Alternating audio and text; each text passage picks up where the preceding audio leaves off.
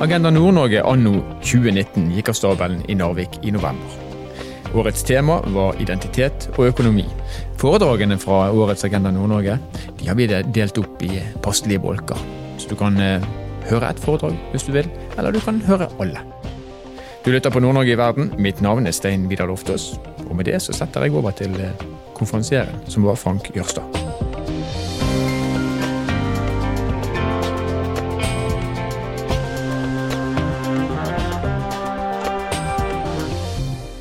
Neste foredragsholder er en begava finnmarking. Han har vokst opp i Kirkenes, og istedenfor å jobbe på Sydvaranger, så har han bl.a. jobba ved Lego-konsernet i Danmark. Dere har sikkert kjøpt noen Legoer som han har designa. Han kan alt om spill, om tegneserier og populærkultur. Og nå er han forsker, og han underviser ved arkitektur- og designskolen i Oslo.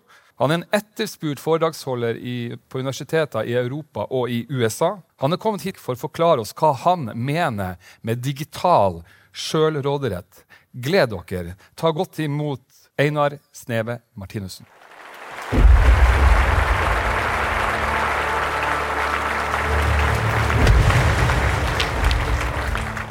Trivelig, trivelig. Eh, jeg heter Einar. Jeg driver forsker og underviser innenfor det som kalles for interaksjonsdesign. som vil si designet og formgivninga av digitale tjenester og produkter. altså Måten vi bruker nettet på, måten vi liksom trykker på telefonene våre på. Og Dette er en bransje som er i voldsom vekst. Det er også en bransje som har endt opp med å bli ganske viktig. Vi sitter veldig tett på det vi kaller for det digitale skiftet. Over de siste ti årene har vi jobba med å se spesifikt på hva digital teknologi og design har å si for samfunnsutviklinga i Norge og i Norden. I dag skal jeg snakke litt om det digitale Nord-Norge. Jeg kommer til å komme med litt utfordringer, litt kritikk mye mismot, eh, men forhåpentligvis også litt håp. Jeg kommer fra Kirkenes. Kirkenes en, har en historie som en gruveby. Den er bygd, historisk sett bygd opp rundt bergverksbedriften Sydvaranger. Eh, og gruvedrift har forandra seg relativt lite de siste 50 årene. Man sprenger fjell, man maler det til pulver, man bruker kjemi og magneter til å dra ut jernet, og så skipper man det til Kina eller til Europa. Det er en storslagen industri som er veldig synlig. Den tar masse plass, arbeidsintensiv, den forandrer til og med landskapet. I kirken har vi kunstige fjell og kjempestore hull i bakken. Produksjonsmidlene er tydelige. Det samme er maktforholdene og miljøpåvirkninga. Og det er ikke tilfeldig at vi det siste århundret har hatt noen av de viktigste og tydeligste sosiale bevegelsene i gruvebyene i nord. Bevegelser som Nordens Klippe, som har vært ansvarlig for å påpeke hvordan industrien påvirker samfunnet, påvirker hverdagslivet og påvirker arbeidsforhold. Gruvedrift har en veletablert politisk diskusjon knytta til seg. Og vi kan se hva som foregår. Det er synlig for alle. Men i dag står vi overfor en type industriell utvikling som er kanskje enda mer altomfattende, og som er til stede i alt vi gjør, men som vi kanskje til og med ikke kan se lenger. Den er i ferd med å bli usynlig samtidig som den påvirker det aller meste av det vi gjør. Andrew Finberg skriver at vi lever i dag både med og til og med inni de teknologiene som organiserer våre liv. Innenfor politikk og samfunnsutvikling er det digitale skiftet ofte artikulert som visjon, eller hva nærmere liksom bestemt myten om den smarte byen. Det er en slags merkelapp for optimistisk teknologiske framtider som på mange sett er ganske dum. Dette er noen av de tidlige eksemplene. Her ser vi et kontrollsenter som IBM har bygd i Rio de Janeiro for å kontrollere byen fra toppen. Det er en klassisk modernistisk idé om at byen kan styres. At byen er en slags mekanisk maskin, og hvis vi bare har nok teknologi og nok sensorer og god nok arkitektur, så har vi løst det her. Det vi ser akkurat i dag, er at store webaktører som Google går inn og etablerer sine egne smartbyprosjekter. Sine egne byutviklingsprosjekter som er kontrollert av en webaktør. Altså Internett begynner å bygge byene våre for oss. Og det er kontroversielt. Det er kontroversielt fordi vi ser at det er problematisk med tanke på personvern, økonomi, interessekonflikter. Men det stiller også spørsmålstegn med hvem er det som faktisk former samfunnet? Hvem er det som former våre tettsteder, våre byer? Eh, og Smartbyvisjonen har jo blitt på veldig mange måter, som sikkert mange av dere kjenner til, adoptert inn i kommunespråket i Norge. Så det er, ikke, det er ikke grenser for hvor mange norske kommuner som skal bli smart, og som har fått en smartbysjef, som skal nå klare å gjøre den digitale omstillinga. Og alt skal stort sett bli veldig bra. Det er en veldig løfterik visjon. Noen ganger er de løftene for gode til å være sann, og noen ganger ikke det. Heldigvis ser vi også, da, sånn som i Bodø, sånn som her i Narvik, at merkelappen smartby også blir brukt til å gjøre mye fint samarbeidsarbeid. For en gangs skyld så fokuserer vi faktisk på byene og samfunnene våre. Eh, men, men å kalle det her for en premissleverandør for teknologiutviklinga er kanskje å dra det litt langt. Men samtidig som ordførere og politikere sitter og koser seg med visjoner om den smarte, framtidige byen, har den digitale sektoren, det vi kaller for den digitale designbransje, tatt over veldig store deler av næringslivet, hverdagslivet, livsstilene våre. Og vi ser at vi har et sånt spenn av tjenester som utvikler seg ekstremt fort. Vi sier vanligvis at vi har en sånn tidsskala i mitt fagfelt fra idé til produkt på ca. fire måneder. Hvert år så gjør vi på AHO en storstilt type sånn kartlegging av hva som finnes, hva er status innenfor digitale tjenester i Norden og i Norge, hva som påvirker våre liv. Og Vi ser en del typiske trekk.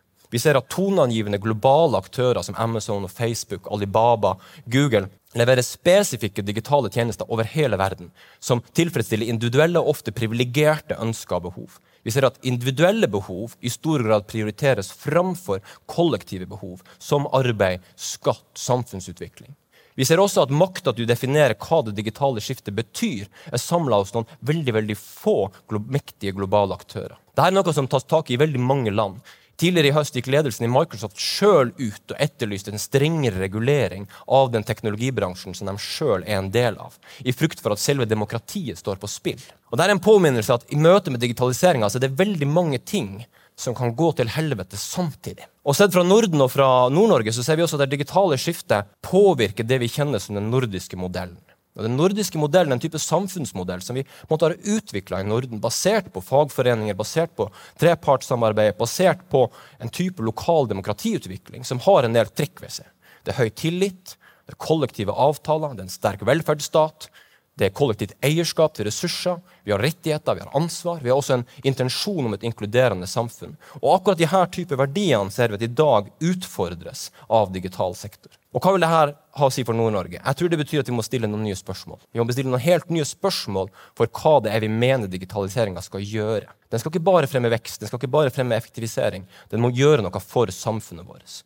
Og For å illustrere dette skal jeg ta opp noe jeg mener er fire viktige utfordringer. Den første er hva slags muligheter ligger det i et digitalt Nord-Norge. Og Jeg foreslår at et digitalt Nord-Norge gir oss muligheten til å nemlig ikke ta i bruk de argumentene og verdisettene som Silicon Valley eller California har produsert for oss. Den gir oss en anledning til å si at det digitale skiftet er en diskusjon om verdier og ikke bare om teknologi.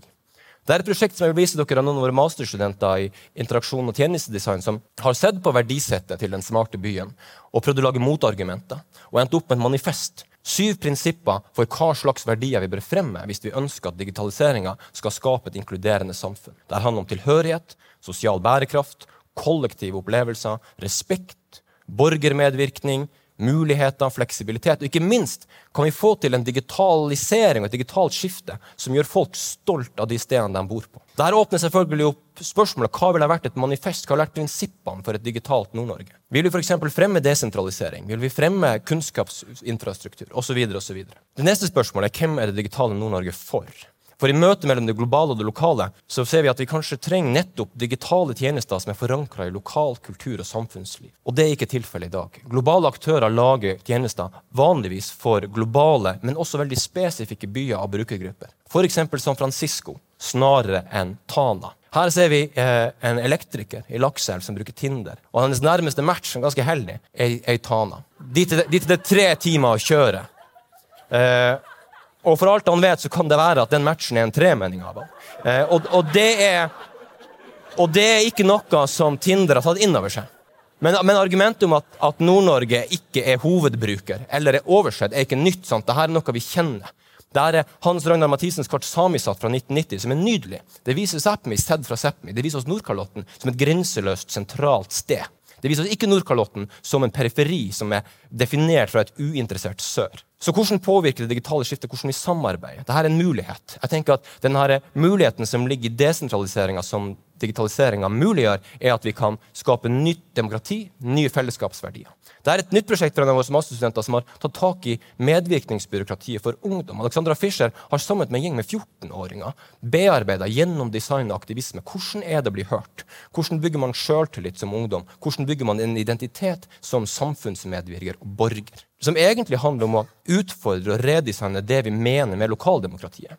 KMD har det de kaller for nærdemokratiske ordninger, som høres kjempekjedelig ut, men som er et juridisk handlingsrom for at vi kan bli hardt på et annet sted enn der vi er. Høstens valg omtales ofte som et protestvalg mot sentralisering, men egentlig er det kanskje et verdivalg, hvor innbyggere i Nord-Norge sier at de ønsker å fremme lokaldemokrati, og de ønsker å fremme fellesskap. Det påvirker også hvordan vi lever sammen. Jeg har et forslag til alle smartbyene. Putt pengene i bibliotekene. Bibliotekene er en type idé som ville vært umulig å finansiere i dag. Ideen om at vi har et hus som alle har tilgang til, hvor de kan gå og hente bøker og ting som de bare har lyst til å låne. Det er en fantastisk mulighet. Og det ser vi. Et de vakreste eksemplene vi har i Norden i dag, er fra det nye sentralbiblioteket i Helsinki, ODI, som er bygd som en plattform for samfunnsengasjement, for aktivitet. Alt fra gaming til symaskiner. Men det er noen trusler. Og jeg mener at Den viktigste trusselen for et digitalt Nord-Norge er at vi mangler politikk. Vi mangler politikkutvikling, vi mangler god regulering. Og det her diskuteres ofte på EU-nivå, det diskuteres til en viss grad med vår nye digitaliseringsminister på nasjonalt nivå, men det må vi også gjøre på lokalt nivå. Det kan gå ordentlig, ordentlig galt. Og noe Det viktigste vi må gjøre er at vi må huske på at regulering av teknologi handler både om å begrense negative konsekvenser, som at Uber ødelegger transportarbeidermarkedet i Europa, men det handler også om å bruke regulering til å fasilitere for det vi vil ha, og stille kvalitetskrav, sørge for at ting blir litt ordentlig. Så hva er framtida for det digitale Nord-Norge? Jeg mener at Det digitale skiftet må ses på som en ressurs for samfunnsutvikling. Det er ikke bare en løsning for de problemene vi har i dag, eller har hatt i fortida. Den må gi oss et nytt handlingsrom. Den intellektuelle aktivisten og sosiologen Henry Lefebvre skrev i 1968 om retten til byen, og argumenterte for at retten til byen er a demand for transformed and renewed access to urban life. Det er langt mer enn retten til byens ressurser. Retten til byen og samfunnet er retten til å ta del i samfunnet og forme det. Og være med å både eie og skape. Det betyr at retten til byen i Refebes øyeblikk vil være retten til framtida. Og det er den vi må ta tak i. Det vi har prøvd å definere ved AHO de siste årene, er at vi ser at det her handler ikke lenger om byutvikling, det handler ikke om tettstedsutvikling. Det handler om samfunnsutvikling. Og det som står på spill, er at vi ser at handlingsrommet og mulighetsrommet for en demokratisk digital utvikling som er lokalt forankra, det handlingsrommet blir stadig mindre. De globale aktørene er så store og har så mye definisjonsmakt at de har veldig lite vi skulle ha sagt. Vi har kalt dette for digital sjølråderett. Altså retten til selvstyre og sjølbestemmelse over det digitale skiftet. Og vi mener at dette kanskje er en av de viktigste rettighetene vi må utvikle i dag. Og den må utvikles lokalt, den må utvikles regionalt og den må utvikles nasjonalt. Og Nok en gang så tror jeg at Nord-Norge har et kjempeutgangspunkt. Et sted hvor det faktisk lønner seg å ha en desentralisert teknologi. Et sted hvor det faktisk lønner seg å ha folk i arbeid. I å møte verdier som er grunna identitet og i økonomi og i de forutsetningene man har. Men det å sammenstille Nord-Norges realiteter og tradisjoner med de ofte normative visjonene for den digitale industrien og den såkalte smarte byen, gir oss også muligheten til å se det digitale skiftet på nytt. Og jeg mener at Vi som teknologer som designere, vi trenger det. Det er viktig for det globale, digitale profesjonsfeltet at vi har andre alternativer enn Beijing og California. Vi må ha ting som Nord-Norge i vår portefølje over ting vi vet at kan virke. Men hvem skal gjøre det her? Og det her kommer et sånn kjempestort sånn professoralt hjertesukk. Som flere har vært inn på tidligere. Hvem skal gjøre det her? Hvem er det som skal forme og forvalte det digitale Nord-Norge i framtida?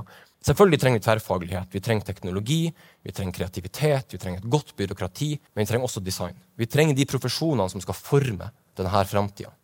Jeg har undervist i tolv år ved arkitektur- og designhøgskolen i Oslo. Jeg har ut, vært med å uteksaminere ca. 500 designere. Av de så har jeg møtt ca. en håndfull fra Nord-Norge. Jeg har møtt én en eneste designstudent fra Finnmark. Og det er altfor dårlig. Det er ingen som kommer til å flytte til Nord-Norge og bygge opp det nordnorske digitale framtida hvis de ikke kommer herifra eller har noen form for forankring. Og som flere har vært inne på tidligere, det vi trenger i dag, er ikke bare teknologiinfrastruktur. Vi trenger kunnskapsinfrastruktur. Vi trenger forskning, vi trenger utdanning, vi trenger identitetsbygging som åpner opp for kreative digitale disipliner, også i Nord-Norge.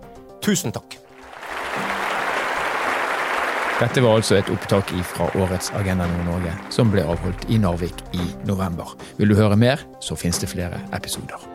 Dette er Nord-Norge verden. Mitt navn er Stein Vidar Loftaas.